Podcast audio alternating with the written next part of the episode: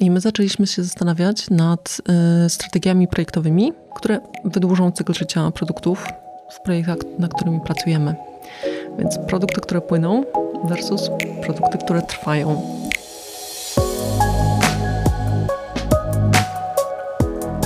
Dzień dobry, witamy w podcaście Circular by Ergo Design, w którym rozmawiamy sobie o zrównoważonej innowacji i projektowaniu zgodnym z zasadami gospodarki obiegu zamkniętego i omawiamy sobie to wszystko z punktu widzenia nas, czyli projektantów. Dzisiaj jestem w nietypowym gronie, bo jesteśmy tylko we dwójkę, więc nietypowa dla nas we formuła. Dwie. We dwie. e, więc nietypowa dla nas formuła, bo jest ze mną Katarzyna Śliwa, która jest CEO Ergo Design. Ja natomiast nazywam się Paulina Morawa, a Ergo Design zajmuję się projektowaniem produktów i usług.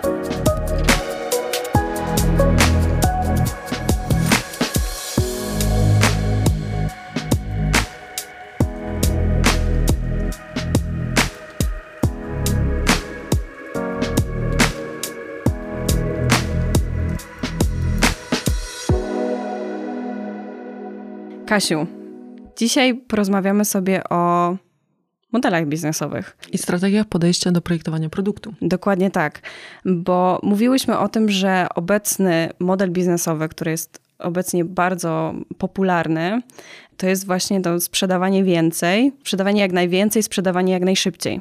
Da? Y, mówimy też o tym, że coraz więcej produktów bardzo szybko rotuje i widać to w, w przeróżnych typach produktów, między innymi w sprzęcie, domowym sprzęcie AGD, który kiedyś e, służył nam prawie że 10 lat. Obecnie mówi się, że około 7 lat i już te sprzęty są wymieniane, więc tutaj ten spadek jest około właśnie tych 20%. E, więc coraz częściej obecnie wymieniamy te produkty. Natomiast no coś trzeba z tym zrobić, bo tutaj no, w, w, w ramach gospodarki o obiegu zamkniętym jeżeli chcemy działać, to musimy po prostu działać w inny sposób. Dokładnie. Y, w ramach gospodarki o obiegu zamkniętym chodzi o utrzymanie zasobów w ramach y, systemu i utrzymanie wartości produktu. Tutaj jakby stawia się znak równości pomiędzy utrzymaniem y, tej ekologicznej przyjazności i zachowaniem ekonomicznej wartości produktu. Natomiast faktycznie chciałabym wrócić do tego, co powiedziałaś. Produkty faktycznie dzielą się na te, które płyną, mhm. fast moving consumer goods i te, które trwają. Czyli właśnie te szybko rotujące, prawda, produkty. Mhm. Tak, natomiast e, to, to chyba wszyscy wiedzą, natomiast to, co jest zaskakujące, to to, jakie produkty należą do tej pierwszej grupy, czyli tej szybko płynącej fast moving consumer. Do tej pory to były kosmetyki, żywność. Tu nas nic nie dziwi. To są faktycznie takie produkty, które się konsumuje i koniec. Natomiast do tej grupy zaczęły należeć e, produkty z, z branży fashion. To też już oswoiliśmy to zjawisko, ale to nie jest w porządku. Odzież to są rzeczy, które mogą trwać, mogą zmieniać użytkowników. Ich wartość jest trwała. Tak jak fajnie e, pokazał ten przykład Michał w, w jednym z odcinków o kurce Barpurt, prawda? Która w tym czasie, że tak powiem, wy, wydłuża się jej cykl życia. Marka nawet podbija to, żeby wydłużać ten cykl życia i że on ma kurkę, kurtkę po swoim tacie. Więc mhm. tutaj jakby fajnie jest Wartość to pokazać. Dokładnie tak. Ze względu na różne, różne czynniki, tak naprawdę głównie na, ze względu na ten attachment, to przywiązanie, e, które użytkownik z tym produktem, produktem ma. ma. Mhm. Tak, ale jak do tej grupy zaczęły dołączać e, produkty z AGD i elektroniki, no to nam jako firmie projektowej pojawił się duży znak zapytania. No to są produkty, które ewidentnie mogą mieć trwałą długość życia, bo są wyprodukowane na przykład z tworzyw, które mają bardzo długi cykl życia. Więc coś tu jest nie tak i my zaczęliśmy się zastanawiać nad y, strategiami projektowymi, które wydłużą cykl życia produktów w projektach, nad którymi pracujemy. Więc produkty, które płyną versus produkty, które trwają. Tutaj chciałam jeszcze um, przytoczyć ten przykład, który był um, akurat bardzo fajnym przykładem, jak produkty potrafią się zmienić, um, wydają nam się bardziej atrakcyjne, ale sprawiają, że Mamy bardzo dużo dodatkowych elementów. One bardzo szybko mogą rotować, bardzo często się psują, bardzo dużo elementów jest jakby zależnych od siebie. I to był przykład y, robienia kawy, tak? Czyli wcześniej korzystaliśmy z kawiarki, w której tak naprawdę nie miało co się zepsuć. To, mhm. Jeżeli coś by się miało stać, no znaczy nawet, nawet, nie wiem, co by miało się stać tak naprawdę Sama z nią. mechaniczna. Dokładnie. A teraz mamy wielkie ekspresy do kawy, które są e, elektroniczne, e, w których właśnie cała elektronika może bardzo szybko e, siąść, że tak powiem kolokwialnie. Często trzeba je serwisować. Dodatkowo musimy mieć różne elementy wokół, które zasilą to, aby tą kawę faktycznie zrobić. Więc jakby to pokazuje, że nie do końca zawsze ten rozwój produktu, który sprawia, że my, mm, że łatwiej nam jest może korzystać z tego produktu, że szybciej dostaniemy ten efekt końcowy, czyli właśnie tą kawę, ale to nie do końca sprawia to, że, że ten produkt faktycznie będzie długotrwały, że on mhm. zostanie z nami na dłużej, bo czasami te proste rozwiązania są faktycznie lepsze. No to tutaj dotknęłaś y, chyba problemu tego, jak producenci różnych urządzeń próbują się wyróżnić. Bo tak naprawdę no, na czym polega parzenie kawy? Trzeba podgrzać wodę, wytworzyć ciśnienie, żeby tak naprawdę para wodna przypłynęła przez ziarna kawy zmielone. No i voilà, mamy kawę. mamy kawę. Napój bogów. Dokładnie. E, no ale jakby branża to, to jest bardzo jakby powszechnie potrzebny produkt, kluczowy. E, producenci różnych urządzeń służących do różnych sposobów parzenia kawy po prostu stają na głowie, żeby się wyróżnić, zróżnicować. I no, tak naprawdę z takiego konwencjonalnego, stałego produktu, który jest oswojony i ma swoją już fazę dojrzałości, próbują przejść do fazy tak naprawdę trochę odświeżenia tej branży. Czyli ciągle tworzą y, jakieś innowacje, które mają zaoferować coś nowego. Są dobre i złe przykłady. Na przykład Nespresso jest bardzo fajnym przykładem, bo faktycznie im się udało stworzyć produkt, stworzyć sposób parzenia kawy, który jest unikalny i tak naprawdę oferuje coś naprawdę nowego. Szybki, bardzo precyzyjny, czysty sposób parzenia kawy. No i tak naprawdę tego użytkownika rozpieszczają w różnych smakach i, i doznaniach wokół, wokół całego tak naprawdę celebracji picia kawy. No ale tutaj jest kwestia jeszcze obudowania tego produktu usługą, prawda? Bo mhm. właśnie Nespresso, za chwilę pewnie przejdziemy do tego właśnie, jakie są te cyrkularne modele biznesowe, ale Nespresso jest idealnym przykładem jednego z tych modeli, mhm. bo tutaj mamy obudowany bardzo mocno e, produkt usługą i on sprawia, że tak naprawdę jest ten przychód, Właśnie te dodatkowe mhm. elementy sprawiają niekoniecznie ten ekspres do kawy, tylko te mhm. wszystkie kapsułki sprawiają, że jest przychód. Natomiast oni ym, obudowują to usługami, które mają na celu odbieranie tych kapsułek. Tutaj może nie będę już jakby wchodzić w szczegóły. E, kto chce, to może e, właśnie o tym e, case'ie, o tym przykładzie Nespresso poczytać. Oni tam bardzo fajnie zaprojektowali kilka różnych usług, tak zwane zielone, czerwone i czarne worki w różny sposób odbierane dla różnych użytkowników, aby jak najlepiej, że tak powiem, i najefektywniej te kapsułki zebrać od y, mm, różnych użytkowników, którzy mogą mieć różne przyzwyczajenia. Ale tutaj chciałabym przejść bardziej do tych modeli biznesowych właśnie. Czyli jakie są te cyrkularne modele biznesowe? Zastanawiając się nad tym problemem, tak naprawdę y, zastanawiałem się nad tym modelem obecnie dominującym. Tak. Czyli faktycznie sprzedaj więcej, sprzedaj szybciej. Dokładnie. I myśląc o różnych case'ach naszych klientów, nie tylko naszych klientów, ogólnie o, o biznesie obecnie, faktycznie, no, zaniedbując pewne szczegóły, dochodzimy do tego, że to jest obecnie najbardziej rozpowszechniony model i główny cel producentów. Nic tutaj za bardzo się więcej nie, nie, nie wydarzy, nie wydarzy i nie, nie, nie podzieje. Natomiast patrząc na te firmy, które już próbują ucyrkularnić swój swój model biznesowy, no pojawiają się innowacje. Na przykład wcześniej wspomniane Nespresso to jest taki e, model, powiedziałabym, hybrid, gdzie mhm. faktycznie sprzedaje się główny e, produkt, czyli tak naprawdę kawiarkę, ale tak naprawdę to, na czym Nespresso zarabia, to są kapsułki. Mhm. I do tej pory wielu zielonych konsumentów mogło mieć zastrzeżenie kapsułki, no bardzo duża ilość odpadów Natomiast teraz Nespresso już nie promuje swojej kawy.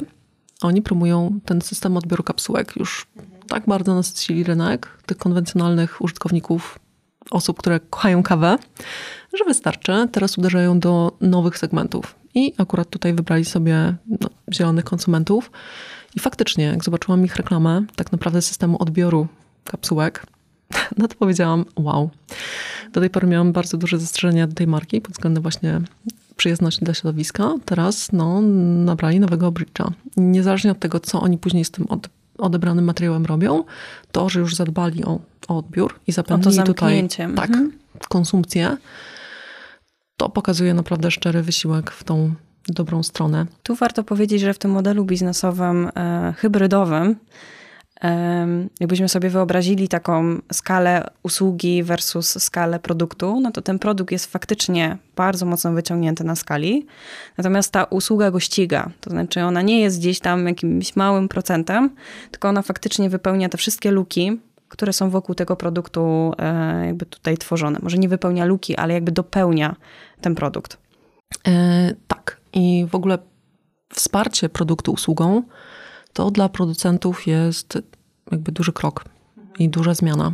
Jak ktoś ma fabrykę, która produkuje coś, a teraz ma świadczyć usługi, to jest tak naprawdę inny biznes. Więc to jest duży przeskok i prawdopodobnie powód tego, że wielu y, producentów, pomimo tego, że rynek jest gotowy, użytkownicy są gotowi, rynek właśnie innych modeli biznesowych oferuje wiele, wiele szans, y, pozostają przy tym modelu właśnie sell more, sell faster i modelu, gdzie tak naprawdę oni dostarczają produkt i sprzedają do finalnego użytkownika, który jest też właścicielem danego produktu. To jest model sprzedaży właścicielskiej. I tak jak patrzymy na te cyrkularne modele, tam też jest taki model. On się nazywa właśnie Classic Long Life, czyli chodzi o to, że to jest takie klasyczne podejście do właścicielskiego posiadania i użytkowania produktu. I faktycznie niektóre grupy produktów tam są użytkowane przez jednego użytkownika przez długi czas. Natomiast warto się zastanowić, jakie to są produkty, bo to nie jest, nie są produkty FMCG, to nie jest żywność, to nie jest moda, to nie jest elektronika, to nie jest nawet EGD. To są produkty, które są projektowane po to, by użytkownik tak naprawdę przywiązał się do tego, do, do tego, tego produktu. produktu. Nawiązał jakąś emocjonalną więź. Relację, tak. Mhm. E, jak patrzymy na historię designu i wielkie marki, które już działają na dużą skalę od dłuższego czasu, no to mi do głowy przychodzi Brown. Mhm, I e, tak. te produkty, te kolekcje, które były projektowane przez Tralamsa, to były konwencjonalne, użytkowe rzeczy. Właśnie młynki do kawy, elektronika konsumencka. System szafek nawet. System szafek nawet. Mhm. W tej chwili to są obiekty wielkiego pożądania. Mówi się o tak. syndromie Dietera Ramsa, bo to są obiekty kolekcjonerskie. Wiele osób w tej chwili je szuka po świecie i kupuje i nawet nie używa. Tak one są y, ikoniczne i, i tak użytkownicy je szanują. Więc to pokazuje, że ten Classic Life jest zarezerwowany dla obiektów o takim wielkim emocjonalnym znaczeniu. To może być miś, przytulanka, pierwszy miś w życiu dziecka. To może być samochód, który jest tak naprawdę klasykiem motoryzacji. Natomiast patrząc z punktu widzenia projektanta, właśnie projektowanie dla attachment and trust to jest najtrudniejsze tak naprawdę zadanie.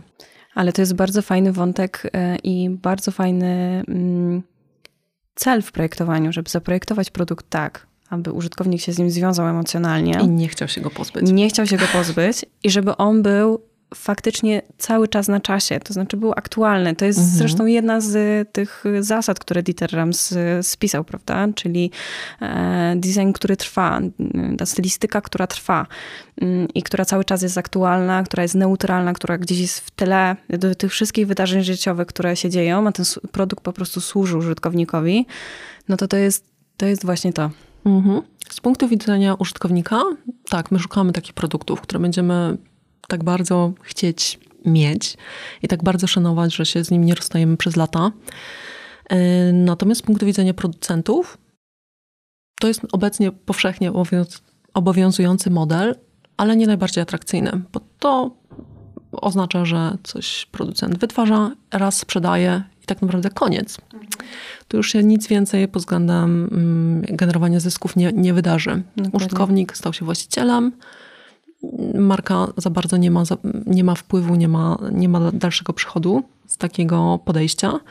I dlatego jakby obecnie w modelach cyrkularnych powstało kilka innych modeli biznesowych, kilka innych podejść. I one siłą rzeczy, tak jak patrzymy na, na ich listę, wymagają dodania usługi do produktu. Kolejnym to jest ten hybrydowy model, o którym już wspominaliśmy. Tam pojawia się element usługi. Produkt jakby w tych częściach, które się najbardziej, najczęściej i najbardziej zużywają, może być yy, zasilane jakimś dodatkiem. Serwisowane, mhm. tak. Mhm. Te części mogą być wymienione. I albo to robi producent, i to jest usługa serwisowa, albo firmy zewnętrzne.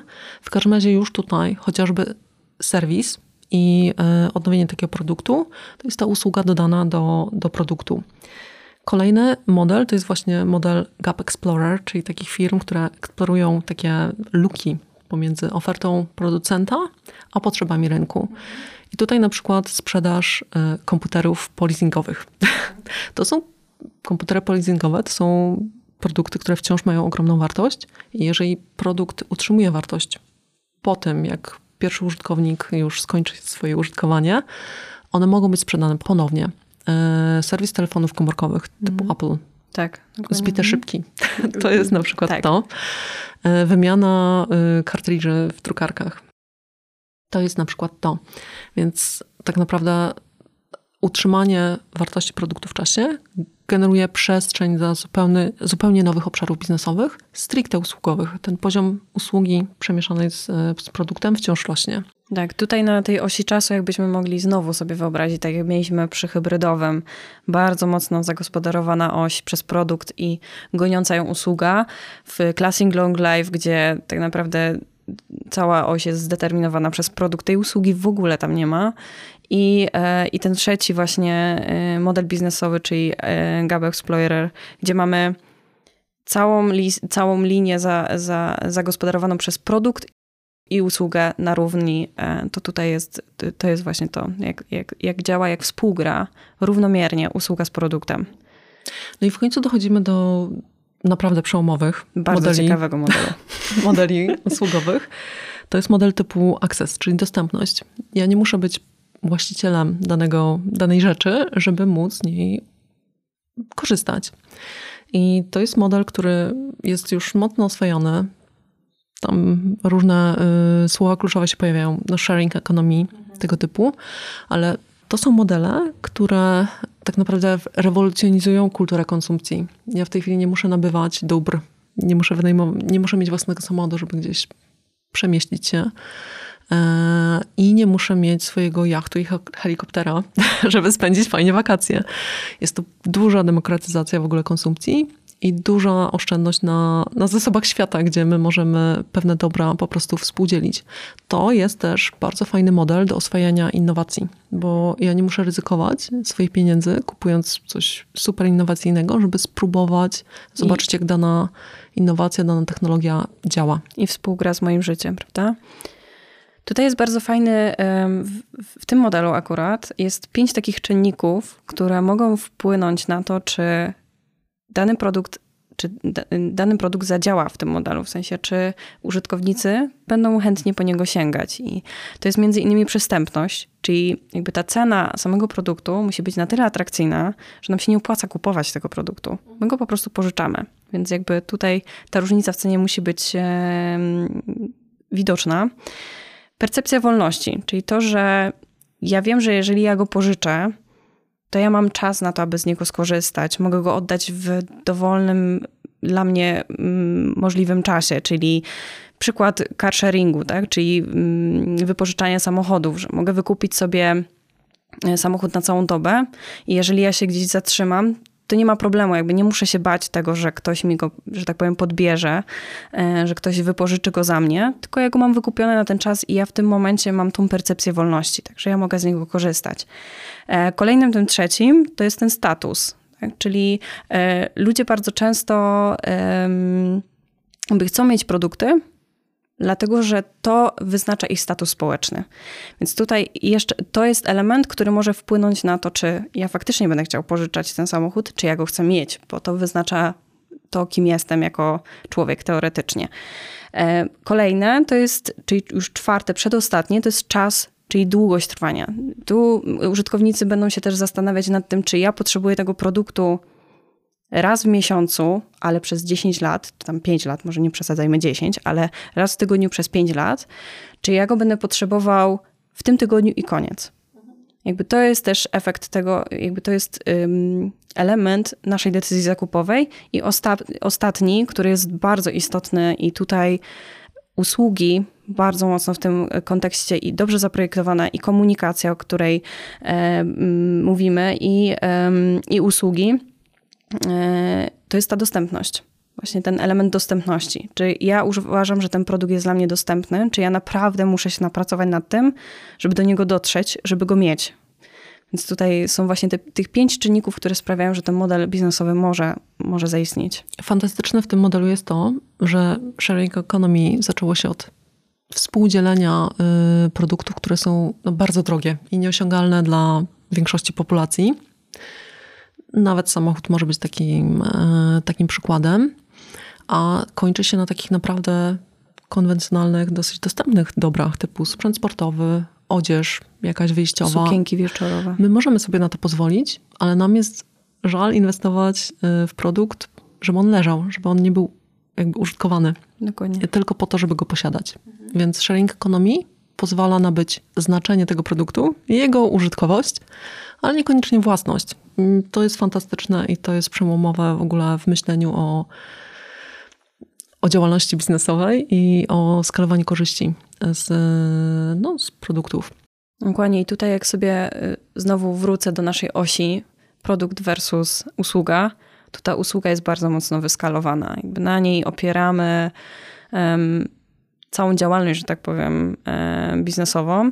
Produkt jest dodatkiem. Jest elementem, który pozwala tą usługę dowieść, pozwala um, skorzystać użytkownikowi z czegoś, natomiast ta usługa jest e, elementem, który sprawia, że ten użytkownik po to sięga. Tak? Tak, i jest jeszcze jeden model, e, dla mnie fascynujący i myślę, że on otwiera w ogóle nowy rozdział w tej chwili. To jest model, który nazwany jest performance. Chodzi tutaj o to, że są takie produkty, które dostarczają tak naprawdę wynik swojego działania. Nas interesuje tylko ten wynik. Nie, nie, nie jesteśmy, jakby nie, nie zależy nam na posiadaniu w ogóle tego produktu. E, dokładnie tak. I do tej pory to były przykłady turbin, jakichś silników samolotów. Tam się nie kupuje silnika samolotu e, w tej branży, tylko kupuje się liczbę godzin działania tego silnika.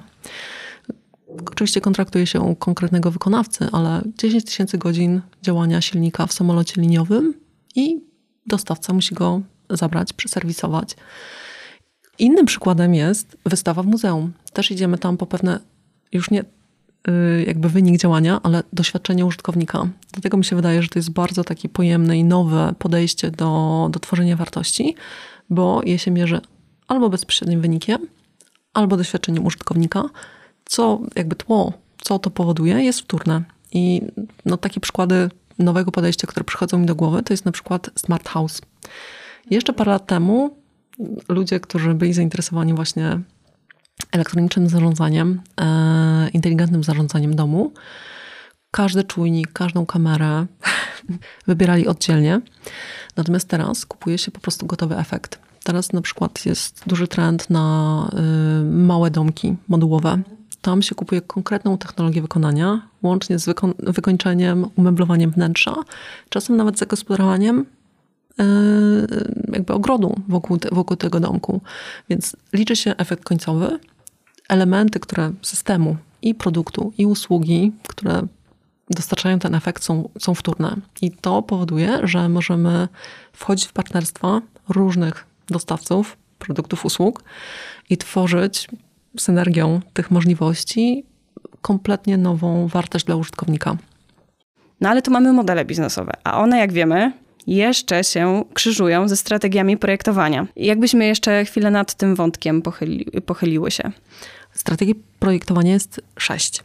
I tak naprawdę każdy model biznesowy może się jakby tutaj skrzyżować e, z podejściem właśnie strategii projektowania. I najciekawszym dla mnie wnioskiem tego wszystkiego jest to, że tak naprawdę do modelu Classing Long Life, czyli tego modelu, gdzie producent produkuje, użytkownik posiada, tak naprawdę dobrze aplikuje się mm, jedna strategia y, projektowania dla takiego zaufania i stworzenia więzi trwałej. Tak naprawdę to jest z sześciu podejść projektowych jedyny dobrze aplikowalny model najtrudniejszy dla projektantów, bo siadając przed jakimś wyzwaniem projektowym, przed projektem, ciężko jest zgadnąć, co wytworzasz taką silną więź emocjonalną. Projektowanie dla funkcjonalności, nawet dla doświadczenia użytkownika. To jest mierzalne, to jest w miarę możliwe do zbadania, natomiast ta emocja to już jest bardziej art niż science. Ale to jest ciekawe, bo całe, wszystkie pięć pozostałych y, strategii projektowych są tak naprawdę bardziej aplikowalne w tych modelach biznesowych, które mają więcej usługi. I wbrew pozorom, projektowanie dla trwałości to nie jest dobre podejście projektowe dla, dla modelu właścicielskiego, bo mając trwały, pancerny, odporny, uniwersalny w użytkowaniu produkt, my się w nim nie zakochamy. tak naprawdę to nie, jest, to nie są te aspekty, to nie są te wartości. Projektowanie dla trwałości to jest idealne podejście do modelu z dużą komponentem usługi.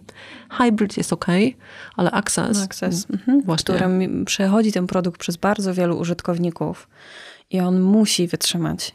To... Musi się dać każdemu tak. obsłużyć, musi być intuicyjny dla wielu różnych grup, musi być odporny na wszystkie sposoby użytkowania, także te mało, że tak powiem, odpowiednie. Właśnie mało takie uważne i, i, i czułe, no to to jest właśnie projektowanie dla, dla trwałości. Pozostałe modele dla standaryzacji i kompatybilności, dla łatwości naprawy, dla łatwości upgrade'u i adaptacji do nowszych wersji.